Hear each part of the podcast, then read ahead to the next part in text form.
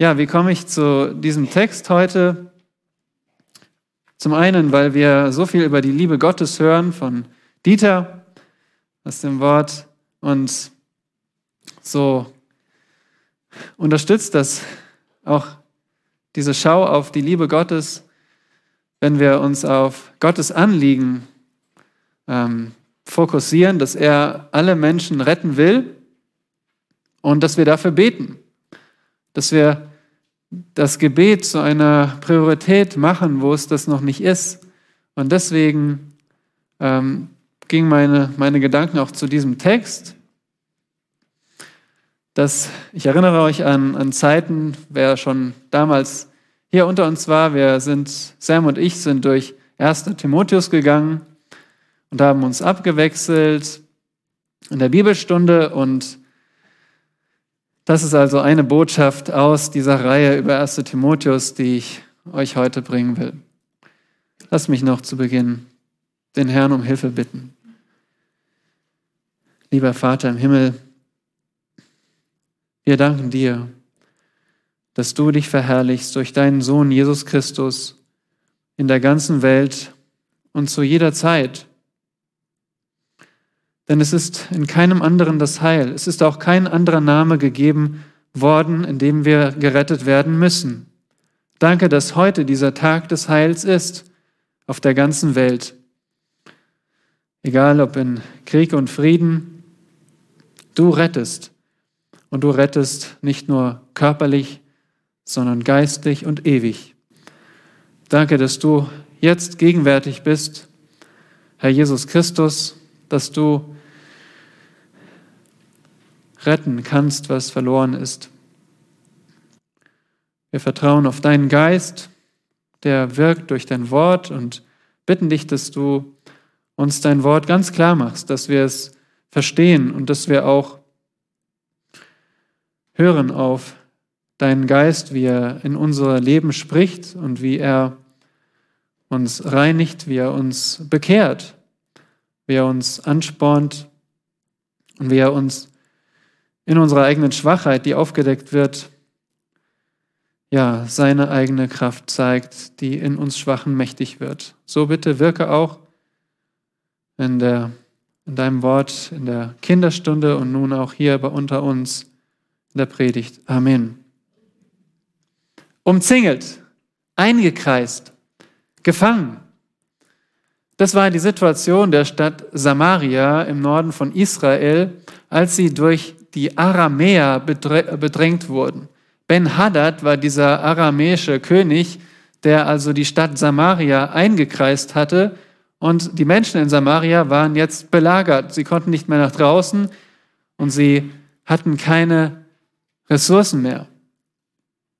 Es gab eine unerträgliche Hungersnot und der Kopf eines Esels, ein Esel war ein unreines Tier, dieser Kopf kostete umgerechnet etwa mehrere hundert oder sogar tausend Euro. Eine Schale mit Taubenmist, Taubenmist kann man eigentlich nicht essen, solch eine Schale kostete etwa 20 bis 100 Euro. Ihr könnt euch vorstellen, der Hunger war so groß, die Menschen wurden sogar kannibalisch. Es waren schreckliche Zustände in Samaria, und dann gab es dort in Samaria an dem Tor vier aussätzige Männer. Aussätzige waren hautkrank, diese Aussätzigen waren ausgestoßen, sie hatten nichts zu verlieren und sie sagten sich, was sollen wir tun? Lasst uns doch einfach die Stadt verlassen. Und so fassten sie sich ein Herz und gingen aus Samaria hinaus in der Erwartung, dass sie jeden Moment von den Aramäern getötet werden könnten. Aber was war das? Was für eine Überraschung. Das, das Lager der Aramäer war verlassen. Da lag Gold, Silber und vor allem gab es Essen. Essen. Und an diesem Punkt hätten die vier Aussätzigen ganz leicht ihre eigene privilegierte Gruppe aufmachen können. Die vier tapferen Pioniere. So hätten sie sich nennen können. Und hätten in Saus und Braus leben können. Aber wisst ihr, das haben sie nicht gemacht. Sie haben sich gesagt, dies ist ein Tag guter Botschaft. Dies ist ein Tag guter Botschaft. Und so sind sie zurückgegangen nach Samaria und haben den Menschen von Samaria genau diese gute Botschaft gebracht. Die Aramäer sind weg und es gibt Essen. Und so rannte das ganze Volk nach draußen und plünderte das Lager und rettete sich vor dem Hungertod. Und das könnt ihr nachlesen in der Bibel in 2. Könige 6 bis 7. Aber warum erzähle ich diese Geschichte? Und sie birgt auch für uns ein ganz einfaches Prinzip. Wer Befreiung gefunden hat, der will auch Befreiung für alle anderen. Wer Errettung hat, der will auch, dass alle anderen gerettet sind. Wer unverdientermaßen gerettet ist, will auch, dass die anderen gerettet werden. Das scheint so klar oder so selbstverständlich, aber nicht in der Gemeinde in Ephesus. Wir sind in einer etwa zehnjährigen Gemeinde und bewegen uns jetzt gedanklich in diese Zeit, als Paulus den Brief an Timotheus schrieb. Und in Ephesus gab es nach dem vielen Licht der Wahrheit, das auf die Epheser scheinte durch Paulus Dienst, gab es jetzt dunkle Wolken der falschen Lehre, die sich vor dieses Licht geschoben hatten. Und so gab es falsche Lehrer, die sich rühmten für ein verborgenes Verständnis. Sie ersponnen Fabeln. Sie stritten über Geschlechtsregister. Sie wollten das Gesetz lehren, aber sie haben gar nicht mal das Wort Gottes wirklich verstanden. Und sie missbrauchten das Alte Testament. Sie lehrten auch andere, du musst verzichten auf das und jenes und dieses, aber sie selbst wollten selbst reich werden. Und so fehlte aber vor allem eins bei diesen falschen Lehrern, nämlich die Botschaft des Evangeliums. Und so war es wie eine Packung ohne Inhalt. Vielleicht ist das auch schon mal passiert bei euch, wenn ihr nicht alleine wohnt. Jemand nimmt die Milchpackung und sie ist bis auf, fast auf den letzten Tropfen leer und stellt sie zurück in den Kühlschrank und du denkst, oh, ich nehme die Milch, oh, gar nichts drin. So war diese Botschaft in Ephesus. Eine, da wurde gepredigt, gelehrt, aber ohne Substanz, ohne Inhalt des Evangeliums. Die waren Meister darin, die Gemeinde zu einer Exklusivgesellschaft zu machen. Wir sind die Wahren. Und sie stülpten den Mitgliedern Regeln auf, aber selbst lebten diese Lehrer gottlos, unmoralisch. Und ihr könnt euch vorstellen, das war eine Schande für die Öffentlichkeit.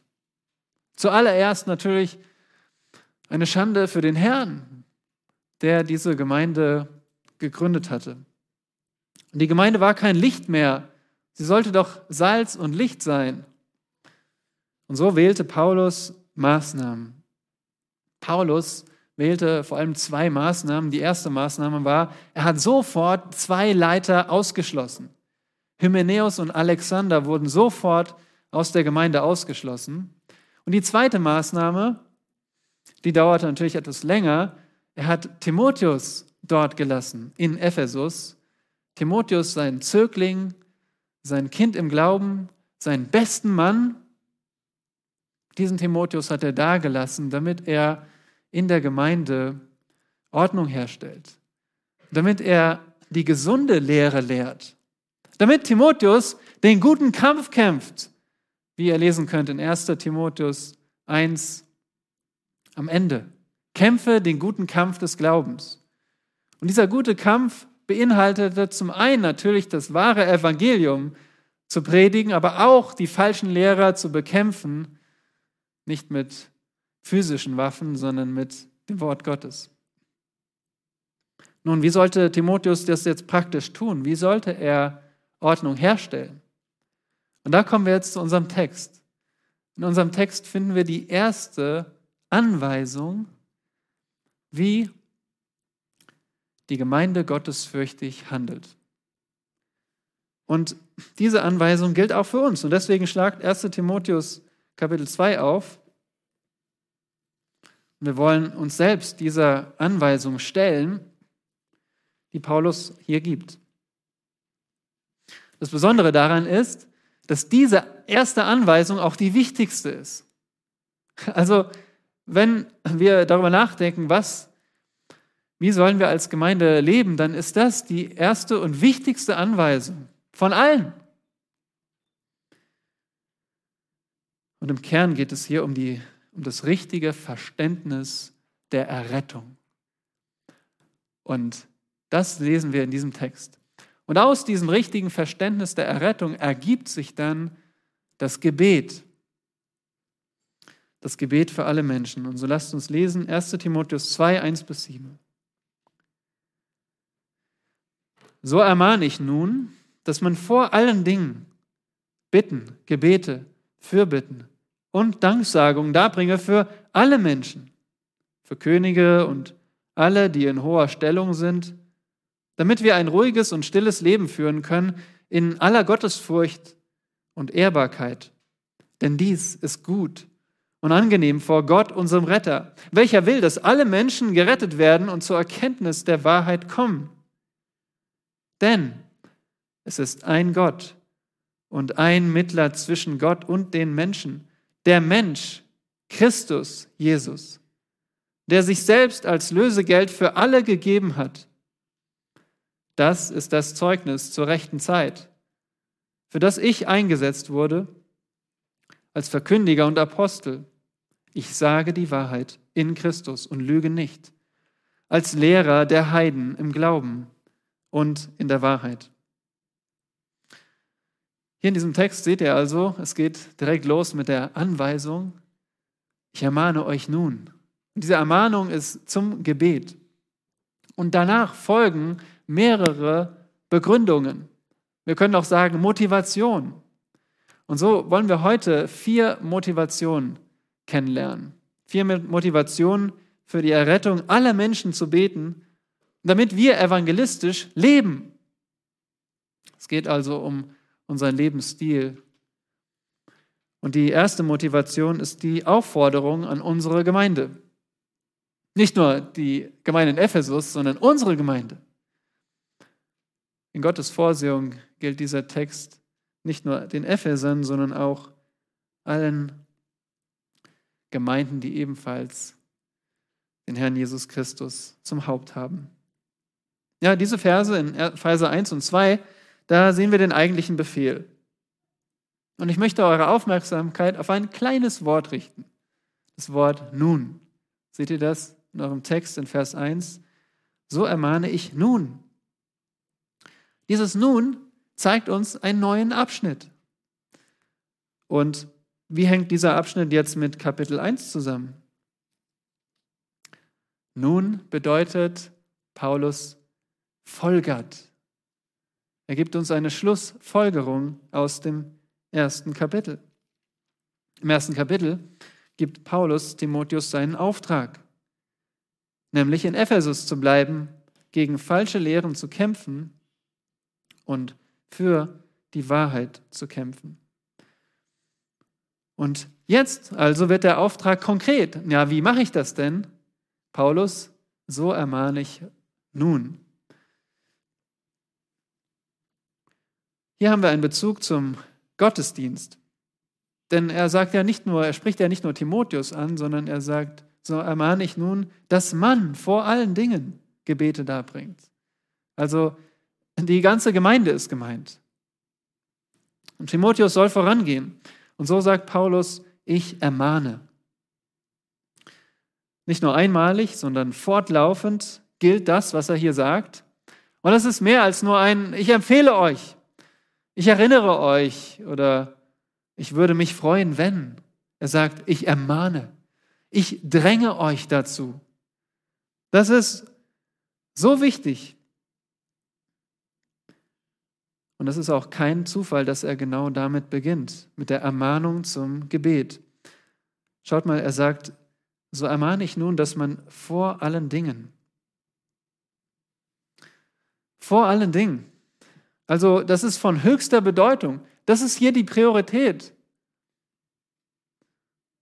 Und ist das nicht Ist es nicht äh, schön, dass wir die Priorität für die Gemeinde kennen?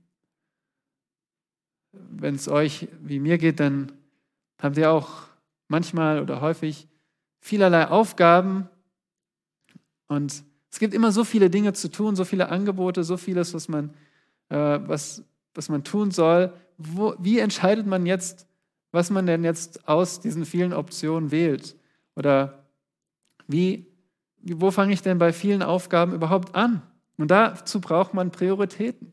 Und das hier ist unsere Priorität vor allen Dingen. Gebete darbringen für alle Menschen. Nun, wenn wir uns zum Gebet treffen, dann fragen wir immer, na, was ist denn das Anliegen? Wofür sollen wir denn jetzt beten? Und das ist eine sehr wichtige Frage. Wofür sollen wir denn beten? Und das Anliegen finden wir in den Versen 3 und 4. Die Errettung aller Menschen.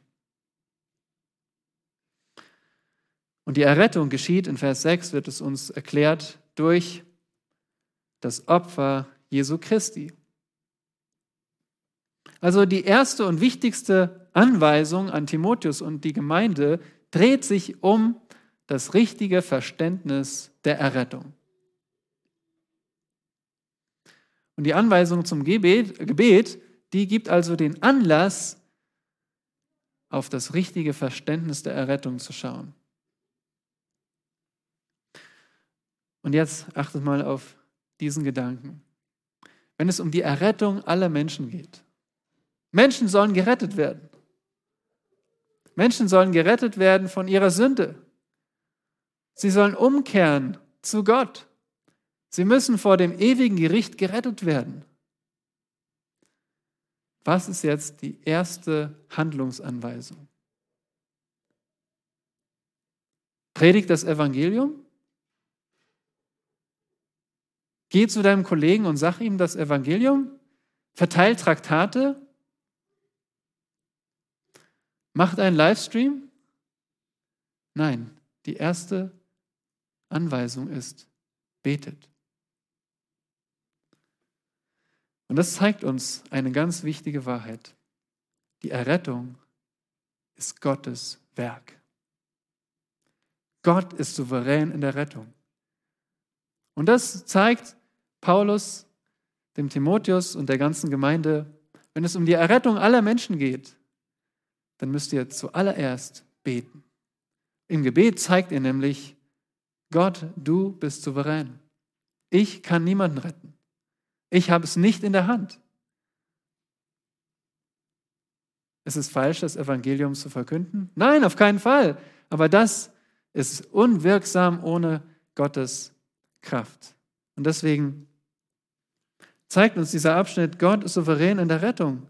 Und das ist auch gut so, so erleichternd, dass es an Gott und seinem Wirken hängt, nicht an unserer Genialität oder unserer Anstrengung. Nun, ihr seht hier, Paulus sagt, Bitten, Gebete, Fürbitte und Danksagung werden uns aufgetragen und wir fragen uns, okay, wie halten wir das jetzt genau auseinander? Und so Lass uns eins hier äh, uns merken, es geht nicht so sehr darum, dass wir alle verschiedenen Arten des Gebetes beherrschen, sondern dass wir, dass wir einfach, er will sagen, nehmt alle Gebete, alle Arten von Gebeten. Wenn wir es aber auseinanderhalten würden, so wäre Flehen das Gebet in einer speziellen Not. Es gibt einen dringenden Bedarf. Und so sollen wir spezifisch bitten. Nicht nur so allgemein, rette alle Menschen in Berlin, sondern werde konkret, bete für Personen. Das nächste Wort Gebete, das ist ein allgemeiner Begriff für Gebet und Fürbitten. Das dritte Wort ist eine offizielle Bitte an einen hohen Herrscher. Also jemand, der mit Freimütigkeit zu einem oberen Herrscher geht denke da zum Beispiel an Esther, die Königin Esther, die vor den König tritt und die nicht weiß, ob ihr jetzt das Zepter entgegengereicht wird, aber sie tut es trotzdem und so wissen wir, wir brauchen uns nicht zu fürchten, dass Gott uns, wenn wir zu ihm kommen, tötet. Wir können zuversichtlich kommen. Wir können Fürbitte tun vor dem obersten König. Und wir sollen Dank sagen in allem. Und so sagt Paulus, ihr sollt alle Arten von Gebeten beten. Auf alle Weise sollt ihr beten für alle Menschen. Und für bedeutet anstelle von allen Menschen. Für solche Menschen, die gar nicht zu Gott beten. Sie werden es selbst nicht tun, tu du es für sie. Und jetzt greift Paulus einige Gruppen von Menschen heraus. Schaut mal in Vers 2, sagt er für Könige. Und damit meint er den Besitzer der höchsten Macht. Damals im Römischen Reich war das natürlich der Kaiser.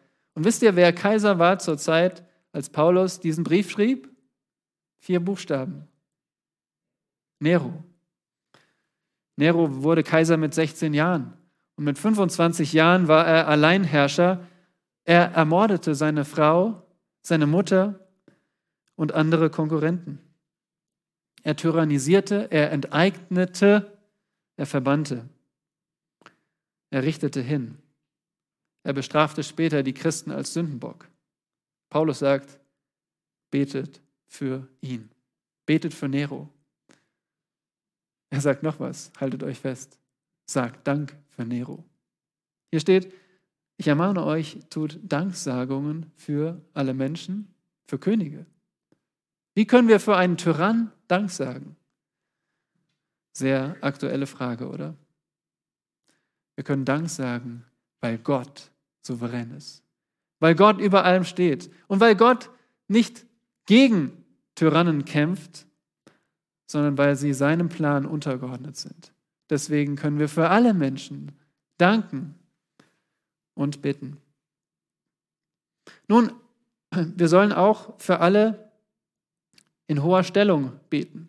Das sind allgemein Autoritäten, zivile Autoritäten, also nennt sie selbst die Minister, die führenden Leiter, eure Vorgesetzten, eure Lehrer, Professoren, betet für sie, die in hoher Stellung sind. Aber nicht nur für sie, damit meint er Regierende im Gegensatz zu Untertanen oder Chefs im Gegensatz zu Angestellten.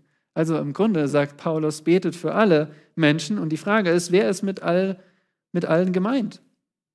Hier gibt es vor allem zwei Sichtweisen. Die eine Sichtweise ist, alle Menschen bedeutet jede Person, jede einzelne Person ohne Ausnahme. Die zweite Sichtweise, alle Arten von Menschen. Nun, lasst uns mal gemeinsam überlegen, woran denken wir, wenn wir alle Menschen hören? Wir denken an alle Menschen, jeden ohne Ausnahme. Was ist aber, wenn ich jetzt sage, Philemon, geh doch mal bitte in die Küche und hole Kekse für alle. Musst du jetzt nicht tun, aber wenn du das tun würdest, würdest du Kekse nicht für alle Menschen auf dem Planeten, sondern für alle, die hier im Raum sind, holen. Also es kommt auf den Zusammenhang an. Der natürliche Sinn von alle ist jede einzelne Person. Aber in bestimmten Zusammenhängen bezieht sich alle nicht auf jede einzelne Person. Und hier haben wir einen Zusammenhang. Ja, alle ist ein universaler Begriff. Die Frage ist aber, wie verstehen wir Paulus richtig? Nun, das brauche ich euch nicht sagen, das sagt uns der Text. Schaut, uns, schaut in den Text, denn Paulus gibt uns den Schlüssel. In Vers 2 sagt er Könige und alle, die in hoher Stellung sind und greift damit eine Art von Menschen heraus, im Gegensatz zu Untertanen. Und in Vers 7 spricht er, dass er davon, dass er ein Lehrer der Heiden ist, im Gegensatz zu wem? Heiden im Gegensatz zu Juden. Und so bringt mich das zu der Überzeugung, dass Paulus hier uns auffordert, für alle Arten von Menschen zu beten, egal wen. Also ohne Rücksicht auf Herkunft, Nationalität, Religion oder soziale Stellung. Und in diesem Sinne zieht sich auch der Gedanke durch den Abschnitt. Vers 4, Gott will, dass alle Menschen, also alle Arten von Menschen gerettet werden. Außerdem, Vers 6, Christus gab sich selbst als Lösegeld für alle, für alle Arten von Menschen. Aber gerade in Vers 2 greift Paulus heraus, dass wir für Könige beten sollen. Und das vergessen wir so leicht. Ja? Warum, warum vernachlässigen wir in unseren Gebeten häufig die Regierung? Zum einen sehen wir die Regierenden jetzt nicht tagtäglich, außer vielleicht im Fernsehen, aber nicht jeder schaut Fernsehen. Außerdem, ja, waren sie in der Vergangenheit häufig tyrannisch oder gottlos. Man ist eher abgeneigt gegenüber die Regierung. Man ist vielleicht bitter. Aber nun, warum sollen wir für diese Regierenden beten? Schaut mal den Zweck an in Vers 2, damit wir ein ruhiges und stilles Leben führen können, in aller Gottesfurcht und Ehrbarkeit. Paulus sagt hier nicht, betet, betet dafür, dass ihr in Ruhe gelassen werdet. Er sagt nicht, dass wir ein ruhiges Leben führen können, sondern damit wir ein ruhiges Leben führen können. Merkt ihr also, wenn wir die Bibel studieren, müssen wir sehr genau sein. Wir müssen jedes Wort umdrehen. Betet für alle, damit wir ein ruhiges Leben führen können. Das ruhige Leben ist also hier bei Paulus nicht das Gebetsanliegen, sondern die Folge davon, dass wir beten.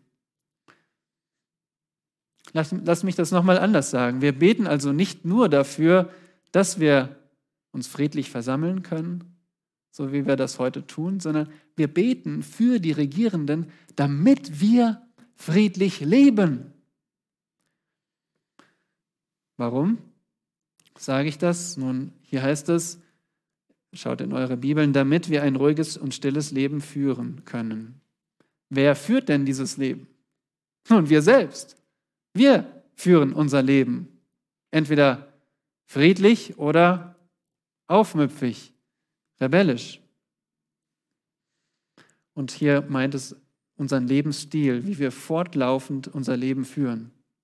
Das Leben hier auf der Erde. Wir sollen ruhig und still leben. Das ist zusammengenommen eigentlich ein Gedanke, nämlich friedlich und ohne Störungen von außen leben. Also, in anderen Worten gesagt, wenn wir für alle Menschen beten, gerade für unsere Regierung, dann werden wir auch nicht rebellisch leben. Die Folge von unseren Gebeten, Fürbitten für die Regierung ist, dass wir keine Unruhestifter sind. Dass wir wenn wir keine Unruhestifter sind, dann werden die Ungläubigen um uns herum uns auch nicht attackieren. Und so sollen wir nicht versuchen, die Gottlosigkeit in diesem Land rebellisch oder mit Gewalt attackieren. Ihr denkt zum Beispiel an die, das ist interessant, diese Predigt habe ich gepredigt oder diese Bibelstunde, das war vor Jahren, da wussten wir noch nichts von Corona und Corona-Maßnahmen. Aber das ist uns jetzt sehr präsent, wie Menschen auch gewaltsam gegen diese Maßnahmen äh, demonstriert haben, die ihnen und auch vielen von uns nicht geschmeckt haben. Aber wisst ihr, wir sollen nicht die sein, die dafür bekannt sind, gewaltsam zu demonstrieren. Was würde das für ein Licht auf die Gemeinde Jesu lenken? Und vor allem, was würde es mit unseren Herzen machen?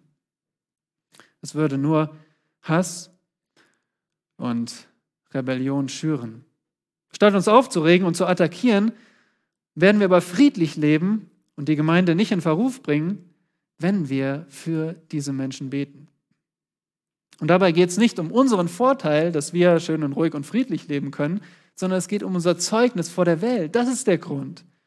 Paulus geht es nicht so darum, na, ich wünsche euch einfach, dass ihr schön friedlich äh, Gottesdienste feiern könnt, sondern er will, dass äh, die Gemeinde ein Licht ist, ein Zeugnis ist für das Evangelium. Und das ist sie nur, wenn sie nicht rebellisch agiert gegen, auf, gegen Hoheiten und Regierende. Aber jetzt könntest du fragen, naja, aber ruhig und friedlich, so sind eigentlich auch manche Nachbarn von mir, die sind auch ruhig und friedlich. Oder Kollegen, ähm, Das ist eigentlich schön. Obwohl sie Gott nicht kennen, äh, sind sie ruhige Menschen. Was ist denn der Unterschied jetzt zwischen ihnen und mir?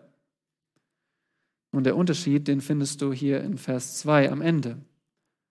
Ein ruhiges Leben führen in aller Gottesfurcht und Ehrbarkeit. Gottesfurcht ist dieses, dieses Wort, was wir schon im Alten Testament finden, ehrfürchtig vor Gott zu leben, ja, und ihn innig zu kennen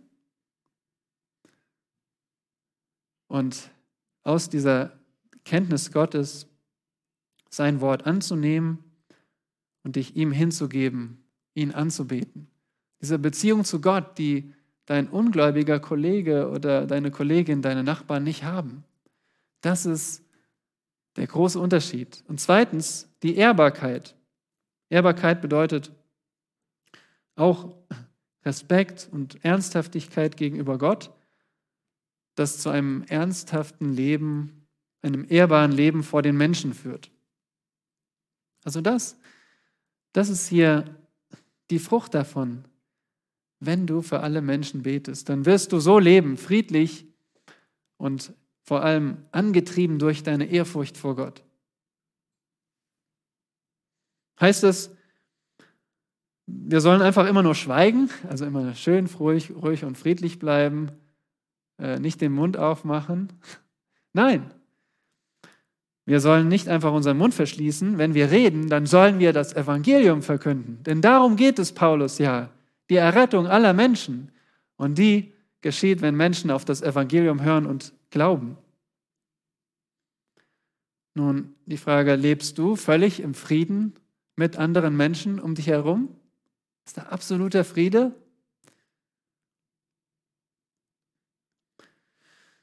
Nun, bei mir nicht. Und leicht gebe ich mich mit weniger zufrieden und sage, naja, völliger Friede schaffe ich ja nicht. Kennst du das auch, so das zu entschuldigen, zu sagen, naja, Hauptsache ein bisschen Friede oder meistens Friede?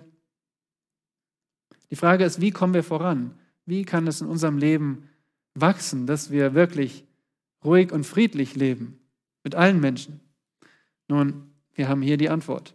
Macht das Gebet zur Priorität. Macht unser Gebet zur Priorität. Bittet für alle Menschen. Sagt Dank für alle. Ja, selbst für die schlimmsten Sünder, weil Gott ist souverän darüber, selbst über die schlimmsten Sünder. Und Homer Kent sagt, ein Kommentator, Gebet für solche, die misshandeln, ist immer noch der beste Schutz vor der Sünde des Hasses. Gebet für solche, die dir Böses tun, ist der beste Schutz, sie nicht zu hassen. Nun, betet für alle Menschen, sagt Paulus. Wie setzen wir das jetzt konkret um? Anwendung. Kommt sonntags um 15 Uhr zur Gebetsstunde. Das ist eine konkrete Anwendung mit Zeit, mit Ort. Wir wollen das Gebet neu zur Priorität machen. Und das beginnt damit, dass wir gemeinsam beten. Und wie machen wir das? Schaut mal in Vers 8. So will ich nun, dass die Männer an jedem Ort beten, indem sie heilige Hände aufheben, ohne Zorn und Zweifel. Heißt das, Frauen dürfen nicht beten? Nein, auch ihr Schwestern, bitte betet. Betet mit, betet laut. In 1. Korinther 14, Vers 34, wo es heißt, dass Frauen in der Stille lernen sollen, heißt es, bezieht es sich auf das Lehren in der Gemeinde. Ihr Schwestern dürft gerne auch in unserer Gemeinde laut beten. Doch die Männer, wir als Männer, wir sind gefordert, anzuleiten, die Initiative zu ergreifen. Und so bitte ich euch, Väter, betet in euren Familien, betet mit eurer Familie. Ihr Männer, betet mit euren Frauen. Betet als Hauskreis. Wir müssen das umsetzen. Ich denke da zum Beispiel eine Begebenheit aus der Kirchengeschichte, die mich ermutigt hat, ist ähm, Charles Spurgeon, der als junger Mann in die Gemeinde nach London kam Und dort sehen wir, dass er das Gebet sehr wichtig genommen hat. Er war ein begabter Mann, aber er sagte, Zitat, dass es nicht um sein Talent geht, sondern um Gott. Doch, Geschwister, eines kann getan werden. Wir werden zum Herrn schreien, bis er sein Angesicht wieder zeigen wird. Was uns fehlt, ist der Geist Gottes. Liebe christliche Freunde, geht heim und betet darum.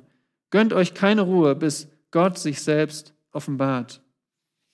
Und damit meinte er nicht neue Offenbarung, sondern er meinte, dass Gott sich zeigt in seinem Wirken durch den Geist Gottes.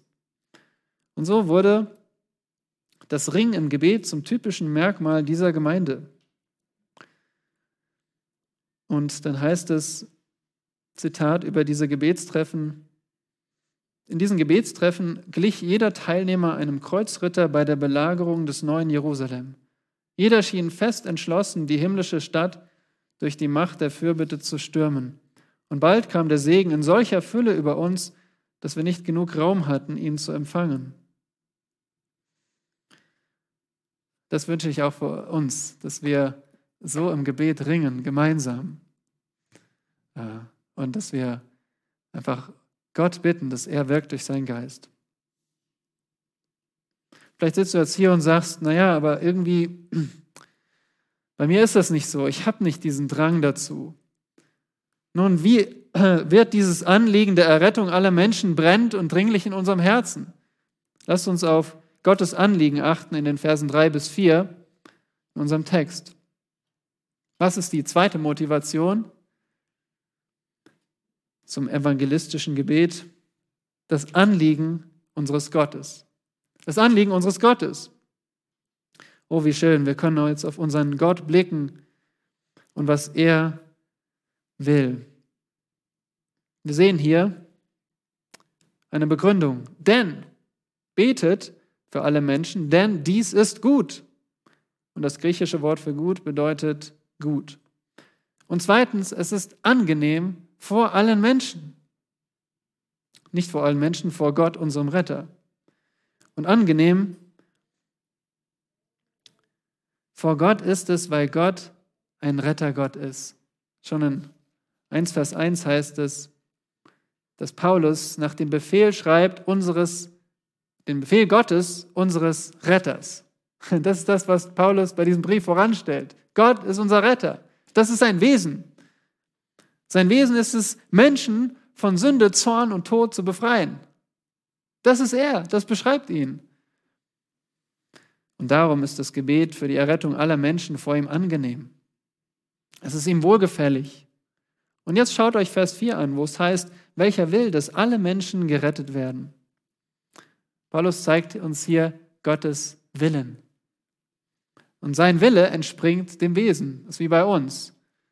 Wir wollen das, was in uns drin uns bestimmt. Was Gott bestimmt, ist die Errettung aller Menschen. Und wieder betont Paulus, um welche Menschen es geht. Alle Menschen. Keine Art, keine Gruppe ist ausgeschlossen von Gottes Wille zur Errettung. Wir können nicht sagen, Errettung ist nicht für Neonazis. Errettung ist nicht für Säufer. Muslime können niemals gerettet werden. Russen sind jetzt von der Errettung ausgeschlossen. Können wir nicht sagen, weil Gott zu jeder Zeit will, dass alle Arten von Menschen gerettet werden. Er will das kontinuierlich. Das Wort wollen kann verschiedene Bedeutungen haben. Es kann je nach Zusammenhang bedeuten sein Entschluss oder sein Wunsch oder sein Befehl. Und ich bin mir bewusst, dass auch hier manche Ausleger sagen, Gott wünscht sich, dass alle Menschen gerettet werden. Durch den Kontext wissen wir, dass Gott alle Arten von Menschen retten will. Das habe ich euch schon gezeigt, dass das Wort alle hier sich auf alle Arten bezieht. Und wir lesen auch dann im letzten Buch der Bibel, in Offenbarung 7, Vers 9, dass Gott zu diesem Ziel kommt, alle Arten zu retten. Denn es heißt, dass ähm, Johannes sah eine große Schar, die niemand zählen konnte, aus allen Nationen und Stämmen und Völkern und Sprachen. Die standen vor dem Thron und vor dem Lamm, bekleidet mit weißen Kleidern und Palmzweige waren in ihren Händen. Ist das nicht wunderbar? Gott kommt zu diesem Ziel. Am Ende stehen wirklich aus jedem Stamm, aus jeder Nation, aus jeder Art von Menschen. Da stehen die einfachen Menschen, da stehen welche, die Geschäftsmänner waren. Da stehen solche, äh, die früher homosexuell waren, solche, die gesoffen haben, solche, die in Unzucht gelebt haben, solche, die selbstgerecht waren, moralisch hochstehen, solche, die Juden waren bis zum Umfallen. Alle werden vor dem Thron stehen und von jeder Sprache und Nation, die wir nicht einmal kennen. Gott kommt zum Ziel, alle Arten von Menschen zu retten. Und darum bin ich überzeugt, dass Paulus hier nicht nur seinen Gottes Wunsch beschreibt, sondern Gottes Entschluss. Gott will aus jeder Art von Menschen retten. Auf der anderen Seite ist es auch eine biblische Lehre, dass Gott sich die Errettung von jedem einzelnen Menschen wünscht. Ich lese euch einige Stellen vor, zum Beispiel Jesaja 45, Vers 1. Wohlan, ihr Durstigen, alle, kommt her zum Wasser, und die ihr kein Geld habt, kommt her, kauft und esst, kommt her und kauft ohne Geld und umsonst Wein und Milch. Hier heißt es alle. Und der natürliche Sinn ist, jeder Einzelne darf kommen. Oder in Ezekiel 18, Vers 23. Oder habe ich etwa gefallen am Tod des Gottlosen, spricht Yahweh, der Herr, und nicht vielmehr daran, dass er sich von seinen Wegen bekehrt und lebt? Und auch Vers 32. Denn ich habe keinen Gefallen am Tod dessen, der sterben muss, spricht Jahwe der Herr. So kehrt denn um und ihr sollt leben. So sagt Gott zu allen Menschen. Und schließlich in Apostelgeschichte 17, Vers 30 heißt es, nun hat zwar Gott über die Zeiten der Unwissenheit hinweggesehen, jetzt aber gebietet er allen Menschen überall Buße zu tun. Das ist der Ruf Gottes an alle Menschen. Jeder soll kommen. Und wie beschreibt Gott hier durch Paulus die Errettung? Wieder zurück in 1 Timotheus 2, Vers 4. Er sagt, zur Erkenntnis der Wahrheit kommen. Gerettet werden ist passiv, zur Erkenntnis der Wahrheit kommen ist aktiv. Was bedeutet das? Es bedeutet, das Evangelium völlig zu verstehen und anzunehmen. In 2 Timotheus 2, Vers 25 finden wir diesen Ausdruck nochmal. Da heißt es, ob ihnen Gott nicht noch Buße geben möchte zur Erkenntnis der Wahrheit. Also zur Erkenntnis der Wahrheit kommen bedeutet Buße zu tun. Buße bedeutet umkehren, umdenken und dann umkehren zu dem Herrn. Das muss ich aktiv tun. Das beschreibt die Bekehrung. Das beschreibt ich muss persönlich gehorchen. Dem Befehl tut Buße und glaubt an das Evangelium. Und das ist Gottes Anliegen, dass alle Arten von Menschen umkehren und zur Erkenntnis der Wahrheit kommen. Nun, ihr wisst es aus dem Alltag, wie es sich anfühlt, wenn das eigene Anliegen zurückgewiesen wird. Ob er jetzt zu Vorgesetzten geht mit einem Anliegen und ihr werdet nicht gehört, nicht ernst genommen. Oder ihr geht zu, einem, zu einer Praxis und sie sagt, wir nehmen keine Patienten mehr auf, zurückgewiesen. Oder ihr geht zum Arzt und er will euer Anliegen nicht verstehen. Oder ihr, ihr kennt das. Nun, hier haben wir Gottes Anliegen. Alle Menschen, alle Menschen sollen gerettet werden. Und dieses Anliegen, liebe Geschwister, muss unser Anliegen sein. Und die Frage ist, zu welcher Art Menschen halten wir lieber Abstand? Wer ist aus unserer Sicht zu weit entfernt vom Reich Gottes, dass wir gar keine Gebete darbringen und auch gar keine Bemühungen unternehmen? Ja, wo, wo sitzt du unter der Staude, so wie Jona? Schön mit Abstand, und beobachtest, was Gott tun wird mit diesen Arten von Menschen. Während Gott im Buch Jona uns zeigt, du bist jetzt traurig über diese Staude, Weißt du nicht, dass dort in dieser Stadt so viele Menschen leben? Und dann zählt, äh, zählt er die 120.000 Kinder auf, für die Gott ein Anliegen hat? Dieses Anliegen muss unser Anliegen sein. Und wie wird es das? Indem wir für alle Menschen beten. Gott will alle Menschen retten. Aber wie erreicht er das? Das ist die dritte Motivation heute. Schaut in Versen 5 bis 6 die Aufopferung unseres Mittlers. Die Aufopferung unseres Mittlers.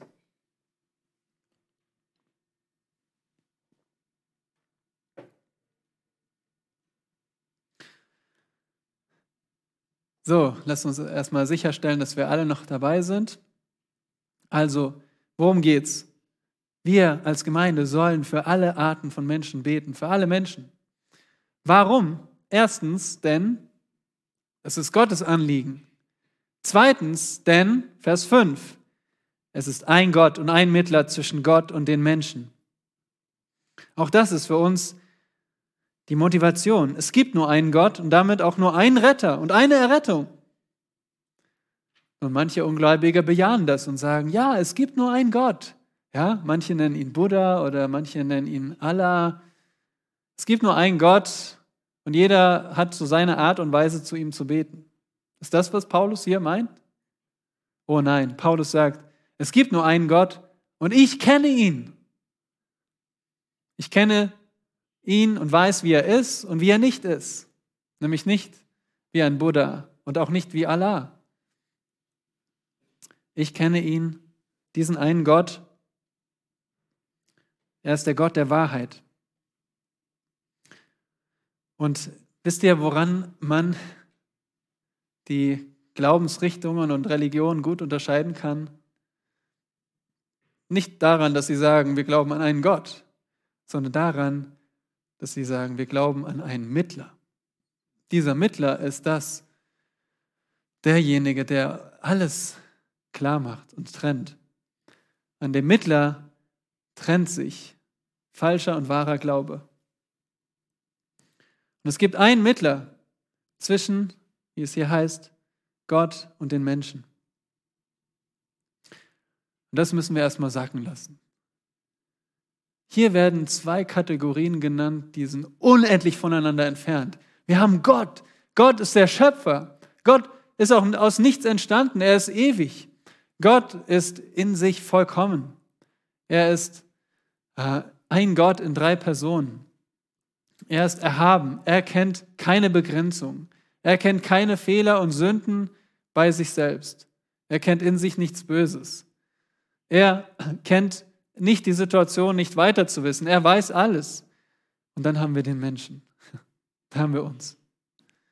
Wir, die wir schwach sind, die wir müde werden, die wir nicht weiter wissen, die wir verzweifelt werden, die wir Grenzen haben, die wir Böses tun. Und wie sollen jetzt diese beiden Seiten irgendwie vermittelt werden? Das ist unvorstellbar. Ich stelle mir gerade vor, wer könnte zwischen den Kriegsparteien vermitteln? Wer könnte das machen? Und man muss sich wirklich am Kopf kratzen. Aber noch viel größer ist das Wunder, wenn Gott und Mensch zusammenkommen. Denn auch hier haben wir verfeindete Parteien.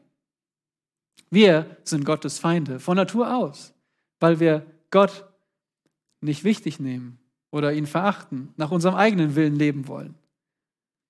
Und Gott ist darum unser Feind.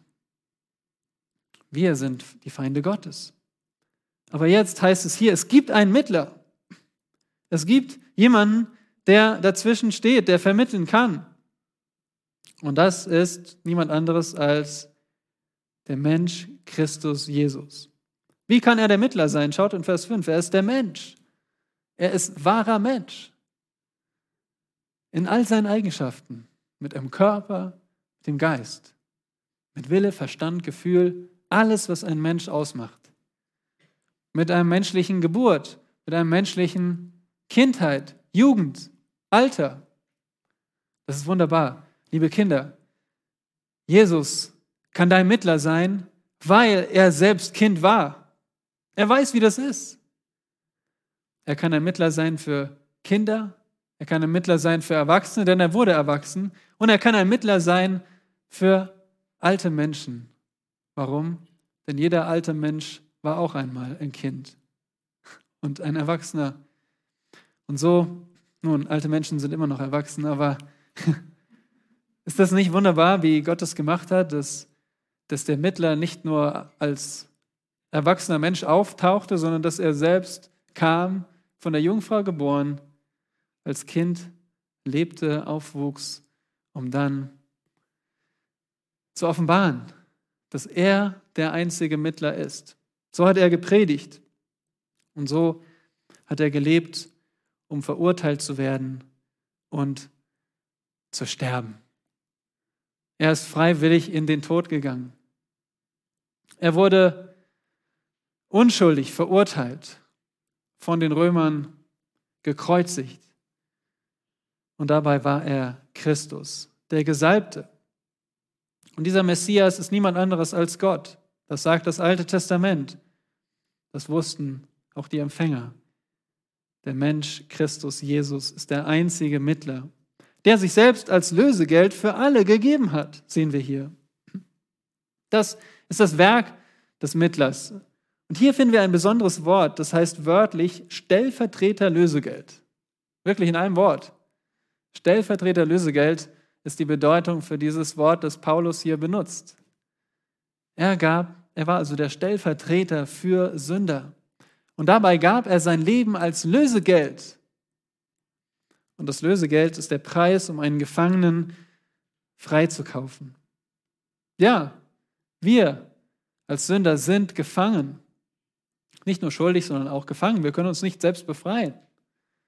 Wir sind unter dem Zorn Gottes. Und hier sendet Gott Jesus als, nicht nur als Prediger, sondern als Opfer.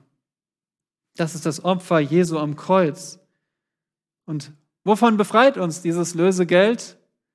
Von der Sünde, von dem Zorn Gottes, von dem Tod. Römer 6, Vers 23. Denn der Lohn der Sünde ist der Tod. Die Gnadengabe Gottes aber ist das ewige Leben in Christus Jesus, unserem Herrn. Nun, für wen hat der Herr sich hingegeben? Wieder heißt es hier, für alle, Paulus betont das wieder, für alle hat er sich hingegeben. Für alle Arten von Menschen. Keiner kann sagen, für Deutsche ist der Herr nicht gestorben oder für Russen ist er nicht gestorben. Für Ghanaer, Isländer, Amerikaner, Kroaten, Kasachen, Ukrainer. Nein, wir können niemanden ausschließen. Für alle hat er sein Lösegeld gegeben. Und da denken wir zum Beispiel an Markus 10, Vers 45, wo es heißt, denn der Sohn des Menschen ist nicht gekommen, um bedient zu werden, sondern um zu dienen und sein Lösegeld, sein Leben als Lösegeld zu geben für viele. Da haben wir diese Betonung, es sind viele. Er hat es für viele gegeben. Und hier müssen wir betonen, dass ähm, Paulus uns lehrt, es ist ein echtes Lösegeld. Ja? Jesus ist hingegangen und hat genau gewusst, ich gebe mein Leben hin und alle Arten von Menschen, einzelne Menschen werden vom Tod, von der Sünde, von der Hölle befreit. Er hat das nicht nur potenziell getan und dann gehofft, dass die Menschen auf das Angebot reagieren. Er hat für spezifische Menschen bezahlt. Damit sagen wir nicht, dass Jesu Tod nicht unermesslichen Wert hatte. Das hatte er. Wir sagen auch nicht, dass es nicht einen, einen unermesslichen Segen für alle Menschen gibt. Denn jeder Mensch, ob gottlos oder gläubig, lebt nur, weil Jesus kommen sollte. Sonst würden wir alle nicht hier sein.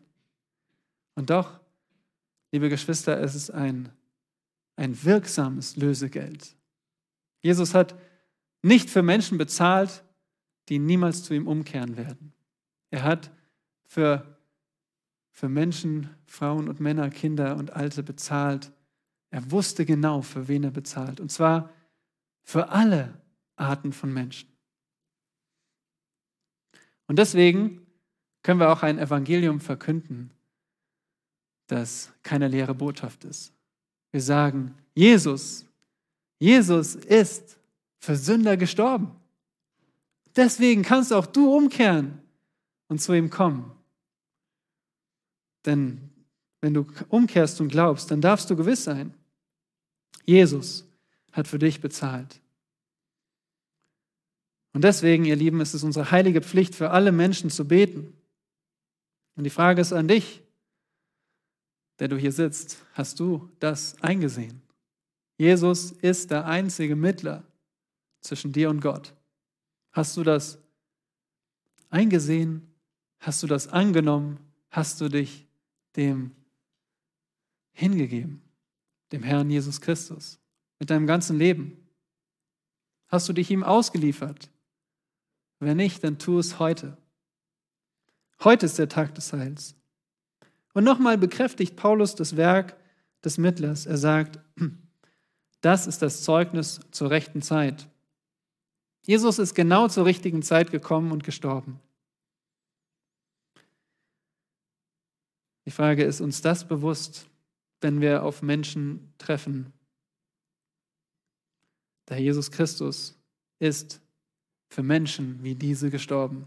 Wenn ihr auf tätowierte Rocker trefft, wenn ihr auf stinkende Obdachlose trefft, auf Atheisten, Feministinnen, Evolutionisten,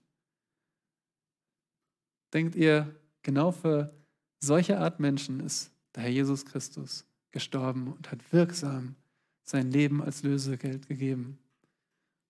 Das, das motiviert zum Gebet. Das ist mein, mein Wunsch, dass wir angespornt werden, niemanden aufzugeben. Und schließlich noch die vierte Motivation, Vers 7, der Auftrag unseres Vorbilds. Wir sehen hier Paulus als unser Vorbild als unser Vorbild. Sein Auftrag war es, genau das zu verkünden. Paulus ist also nicht hier jemand, der nur abstrakt lehrt. Er spricht nicht über das Evangelium und hat damit nichts zu tun. Nein, das ist sein Herz, Blut, das ist sein Leben. Er sagt, für das ich, und das betont er, ich wurde eingesetzt als Verkündiger und Apostel. Ich bin jemand, der wie ein Herold ist. Ein Herold musste zwei Bedingungen erfüllen. Er musste eine laute Stimme haben und er musste genau das sagen, was man ihm aufgetragen hat. So war Paulus. Er hat das Evangelium genauso verkündet, wie er es empfangen hat, für alle Menschen. Und das war, war zu seiner Zeit angefochten. Paulus war umstritten. Und deswegen sagt er, ich sage die Wahrheit, ich lüge nicht. Und jetzt kommt der Kern. Er ist Lehrer der Nation, Lehrer der Heiden.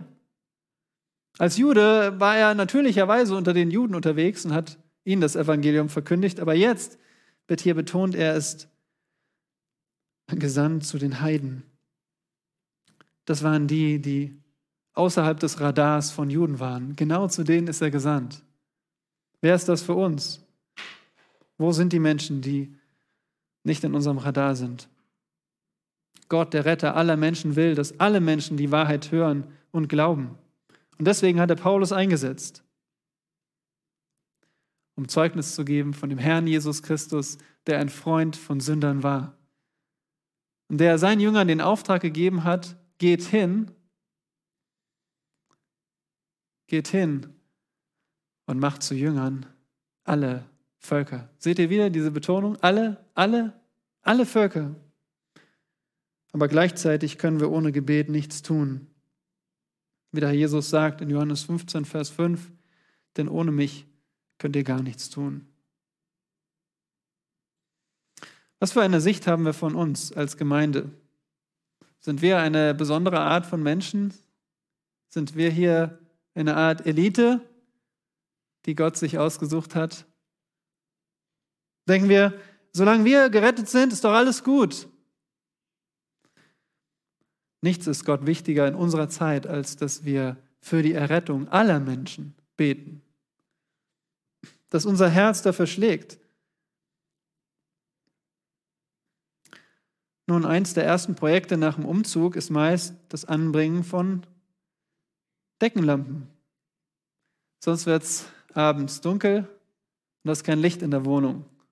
Und ihr kennt das vielleicht, wenn es noch hell ist, steigt man auf die Leiter und nimmt die Lampe und hat dort die Drähte und steckt die richtigen Drähte hoffentlich in, in die Klemme.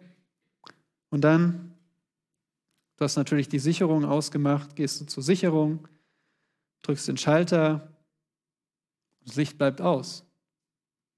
Was ist jetzt los? Ist die Lampe in Ordnung? Ja, die war eigentlich in Ordnung. Nun, kein elektrischer Kontakt. Kein Kontakt da. Ihr Lieben, wir sollen auch Licht sein in dieser Welt, geistliches Licht. Und Gottes Anliegen für die Errettung aller Menschen ist immer da. Wie der Strom, der eigentlich da ist, der nicht unterbrochen wird. So ist Gottes Anliegen für alle Menschen immer konstant. Aber wir müssen uns mit diesem Anliegen verbinden. Wir müssen den Kontakt herstellen. Und das tun wir durch das Gebet, indem wir zuerst beten für alle Menschen und dann das Evangelium verkünden. Amen.